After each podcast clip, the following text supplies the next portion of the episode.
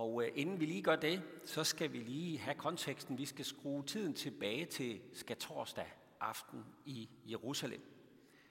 Det er aften før Jesu korsfæstelse og død, den aften, hvor han blev arresteret i Gethsemane have. Han har holdt påskemåltid med disciplene, og de havde ført lange samtaler også om, hvad der skulle til at ske. Jesus prøver at forberede dem på alt det, der nu kommer. Og særligt det, der kommer efter hans død og opstandelse. Efter det her måltid, så øh, begiver de sig ud til Gethsemane have. De skal uden for bymuren. De går ned i Kedrondalen. Og samtalen fortsætter, forstår vi. Måske har de sat sig ned et sted. I hvert fald så begynder Jesus på et tidspunkt at bede. Det er den bøn, vi skal have fat i. Det er en bøn, der har gjort så stort indtryk på i hvert fald Johannes, at han har husket bøndens indhold og fået det med i sit evangelium. I dag er det kun første halvdel af den her bøn, vi skal være sammen om. På søndag, der følger øh, det meste af resten af den her bøn. Jeg læser fra Johannes evangeliet. Sådan talte Jesus, og han så op mod himlen og sagde, Fader, timen er kommet. Herliggør din søn, for at sønnen kan herliggøre dig, ligesom du har givet ham magt over alle mennesker, for at han kan give evigt liv til alle dem, du har givet ham. Og dette er det evige liv, at de kender dig, den eneste sande Gud, og ham du har udsendt, Jesus Kristus. Jeg har herliggjort dig på jorden ved at fuldføre den gerning, du har givet mig at gøre. Fader, herliggør mig nu hos dig med den herlighed, jeg havde hos dig, før verden var til. Jeg har åbenbaret dit navn for de mennesker, du gav mig fra verden. De var dine, og du gav dem til mig, og de har holdt fast ved dit ord. Nu forstår de, at alt, hvad du har givet mig, er fra dig. For de ord, du gav mig, har jeg givet dem, og de har taget imod dem, og de har i sandhed forstået, at jeg er udgået fra dig, og de er kommet til tro på, at det er dig, der har udsendt mig. Jeg beder for dem. Ikke for verden beder jeg, men for dem, du har givet mig, for de er dine. Alt mit er dit, og dit er mit, og jeg er herliggjort i dem. Jeg er ikke længere i verden, men de er i verden. Og jeg kommer til dig, hellige Fader. Hold dem fast ved dit navn, det du har givet mig, for at de kan være et, ligesom vi. Amen. Guds søn beder til Gud Fader. Når Jesus beder, så er det ikke helt ligesom når vi beder. Fordi Jesus beder som Guds ligeværdige, som en, der er et med Gud. Det fornemmer vi også godt i de her ord i bønden. Og alligevel så beder Jesus som et menneske, som en af os. Som et menneske, der giver sit liv over til Gud, lægger det ind under Guds vilje, også selvom det, der ligger foran ham, bliver tungt og svært. Det lyder måske lidt underligt, at Gud beder til Gud. Gud er jo Gud, så hvordan kan han bede til sig selv? Det vi kan sige om det, det er vel det, at Gud valgte i Jesus at blive menneske, at blive som en af os. For at tage vores sag på sig. Gud sendte Jesus. Gud blev menneske i Jesus for at Jesus kunne gøre det på vores vegne, som intet menneske kan, nemlig se Gud lige i øjnene. Han skulle se Gud i øjnene på menneskehedens vegne. Som vores repræsentant, som den, der bærer os. Som vores præst. Derfor kalder man den også for den ypperste præstlige bøn. Jesus går ind med hele vores skæbne på sig ind foran Guds ansigt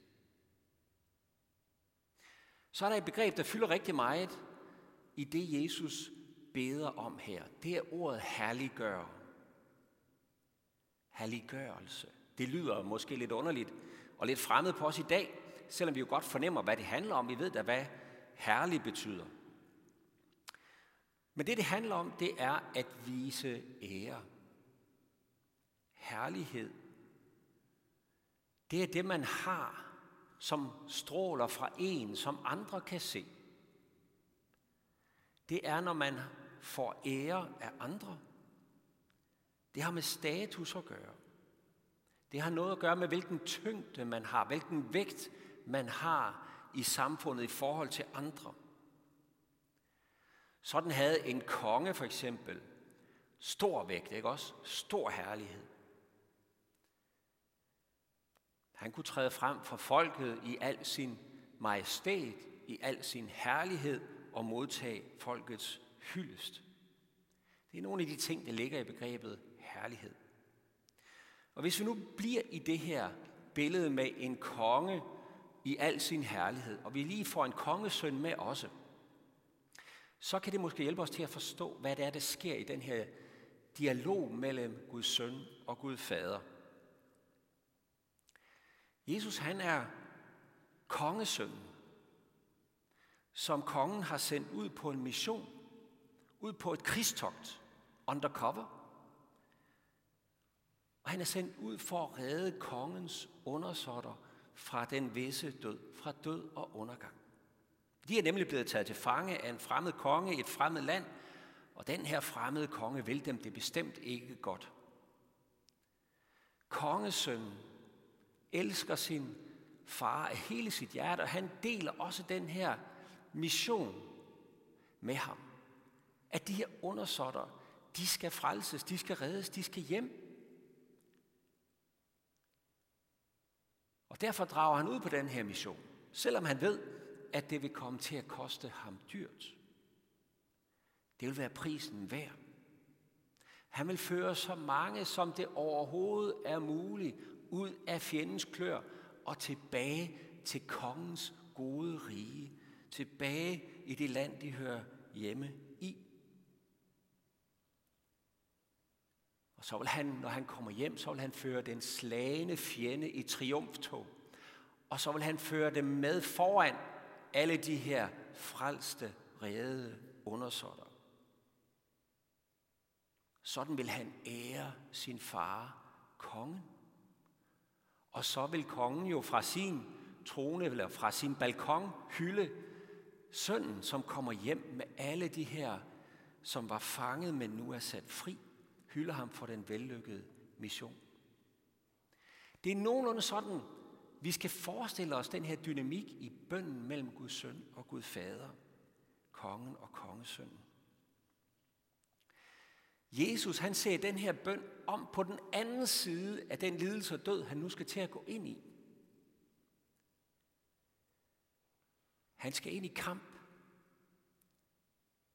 Ind i det afgørende slag, det han er kommet for. Og det kommer til at se alt andet end herligt ud. Det bliver et frygteligt nederlag. I hvert fald vil det se sådan ud. Den her aften er han allerede blevet forrådt af Judas. Og han har været nede og hentet nogle tropper, der allerede er på vej ud for at lede efter Jesus. De andre disciple, de vil svigte ham om bare nogle få timer. Så vil de flygte hver sin vej. Jesus vil blive arresteret, hånet, spottet, pint og tortureret. Og så vil han dagen efter lide den mest grufulde død sømmet op på et kors. Og ingen vil se det som noget særligt. De vil bare se det som et nederlag. Som om, at det viste sig, at der var alligevel ikke noget i det. Det er det, Jesus ser ind i.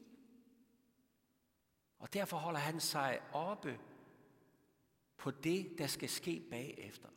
Han holder sig det for øje, som kommer på den anden side af ydmygelsen og nederlaget. Det som ingen andre ville se. Ingen andre ville forstå, hvad der var, der var gang i. Ingen ville se, at det var her, kongesøn ville vinde slaget. Han ville købe alle de fangne undersåtter fri ved at bytte sit liv for deres. Ved at give sit liv i bytte for vores. Det er jo det, korset handler om. At Jesus går ind i vores dommedag for at købe os fri fra den. For at købe os hjem til Gud. Jesus ser om på den anden side af den kæmpe lidelse, han nu går ind i. Det vil ikke blive forgæves. Det, jeg skal til nu, det er ikke bare det, det ligner, nederlag. Det vil ikke være forgæves. Der vil blive en stor flok af mennesker, som på grund af min lidelse og død vil komme hjem. På grund af det, Jesus gjorde på korset, vil en kæmpe menneskeskar komme til tro på ham og kunne føres med hjem til Gud. Vi forstår også jo, at han her i bønden tænker konkret på den her lille flok af disciple, som Gud har givet ham. Forvirrede mennesker. Han beder også for dem, og det er de nu skal til at igennem. Men han beder faktisk ikke kun for dem. Han beder også for alle dem, som siden vil komme til tro på ham, sådan som man siger det lidt længere nede i bønden. For alle hans disciple til evig tid, beder Jesus den her aften. Det har jeg altid syntes, det var så stærkt, at Jesus på tærsklen til den her ufattelige lidelse, han går ind i, og ydmygelse, på tærsklen af det, hvad er det, han tænker på? Hvem havde han i tanke? Sin egen lidelse? Den smerte, han skulle igennem? Det, at Gud ville forlade ham på korset, hvad er det, han tænker på? Han tænker på os. Han tænker på os, som han vil redde, som han vil vinde. For det er motivet for, at han overhovedet går ind i det kæmpe slag, der nu skal stå, hvor han må give livet for os. Det, der gjorde, at han ikke stak halen mellem benene den der aften, hvad var det? Det var dig. Det var mig. Det var os, han så for sig. Han ville have os med hjem. Det måtte ikke være forgæves. Han ville ikke miste os. Han ville vinde slaget for vores skyld, om det så skulle koste ham livet, og det skulle det jo, hvis han skulle vinde slaget og købe os fri. Hvis han skulle zone for alverdens synd og skyld og skam, og tage os med gennem dommedag, så måtte han jo selv gå ind i dommedag med os. For det er den eneste måde, han kunne føre os hele vejen med hjem i triumftog til Guds ære, til frelsen, til det evige liv, til Guds rige. Og det er her herligheden er gemt i den her bøn. Jeg har herliggjort dig på jorden ved at fuldføre den gerning, du har givet mig at gøre, siger Jesus. Den er jo ikke helt fuldført endnu. Det sker først på korset, hvor han siger, det er fuldendt. Men han ved, at han vil, for han vil frelse dig og mig. Jeg er herliggjort i dem, siger Jesus så. Han har vundet ære i dem, i hans disciple. Jesus er herliggjort ved sine disciple, der er kommet til tro på ham. Det synes man jo sådan umiddelbart, det er en lille smule overraskende.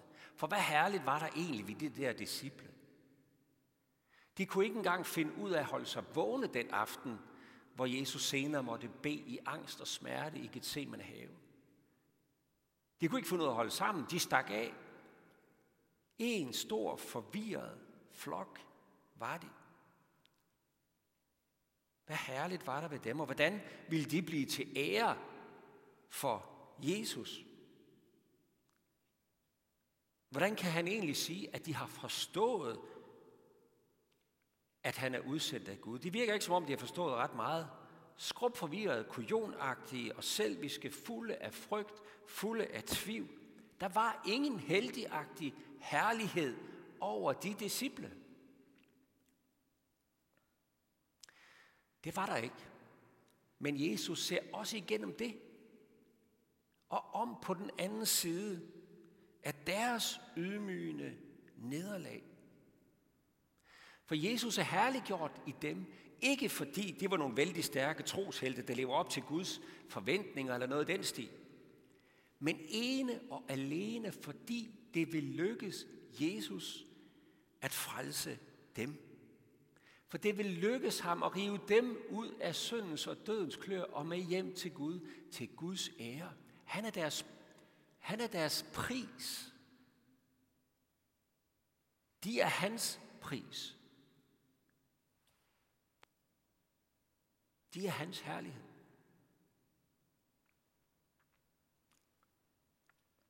Det er altså svært for os at få fat i det her. Vi som lever i et præstationssamfund, ikke?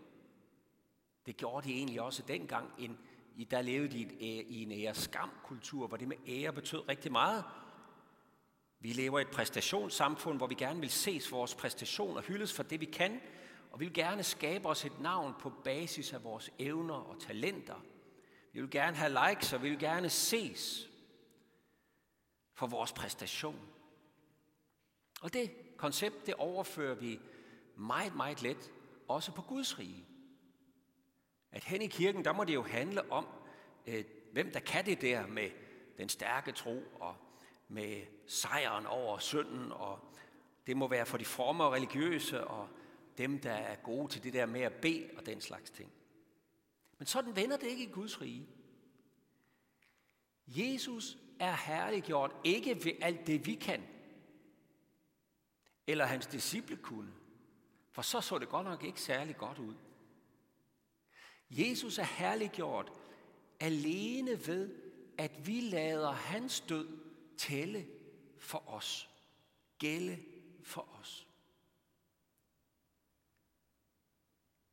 Så ærer vi ham for hans død, for hans sejr. Så kommer vi ikke med vores egne, men lad hans død tælle for os. Jesus er ikke herliggjort ved, at vi forsøger at skinne om kap med ham. Det er en tabt konkurrence på forhånd. Men han er herliggjort ved, at vi tager imod hans udstrakte hånd og siger tak for, at han vil gå i døden for os. Fordi uden hans død ville vi have været fortabt. Jesus er herliggjort i os alene, fordi han har frelst os. Han har købt os fri. Vi er hans pris. Hans herlighed. Hans ære. Og så læg mærke til, hvordan Jesus beder for sine disciple og for os.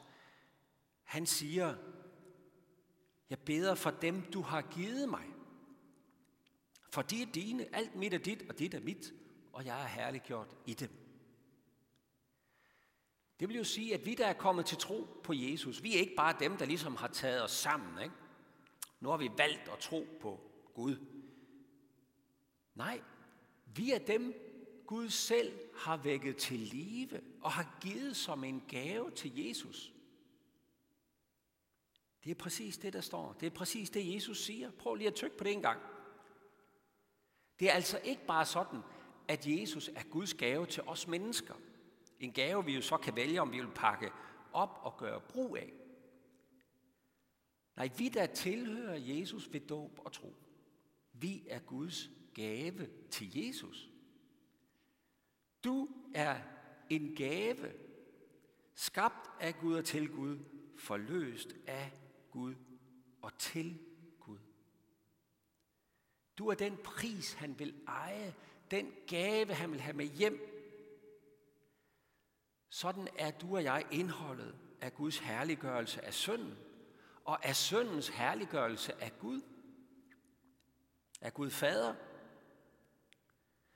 i og med din frelse, der ærer sønnen Gud Fader. Og Gud Fader ærer sønnen. Det er Guds egen ære, der er på spil, når han vil frelse dig. Det er den store pris, han har betalt, der er på spil. Du må ikke gå tabt Du er uendelig værdifuld. Du er en Guds gave til Gud selv. Sådan går Guds søn i forbøn for os hos Gud Fader, velvidende at de to er præcis ét i det her ønske for dig og mig. Hellige far, hold dem fast ved dit navn, det du har givet mig for, at de kan være ét, ligesom vi. Gud vil, at vi skal være sammen med ham i evighed, og sammen med hinanden i evighed. Et på samme måde, som Gud Fader og Guds Søn er et. Og det er virkeligheden, som du og jeg står i, for den, som tager imod dette ord, dette budskab. Hvem end du er, der bag skærmen. Du er Guds elskede barn. Du er Guds herlighed. Han har købt dig fri. Han vil, at du skal være hans. Luk det ind i sjæl og sind. Tag imod den udstrakte hånd. Sådan ærer du Gud. Vi vil synge en sang om at være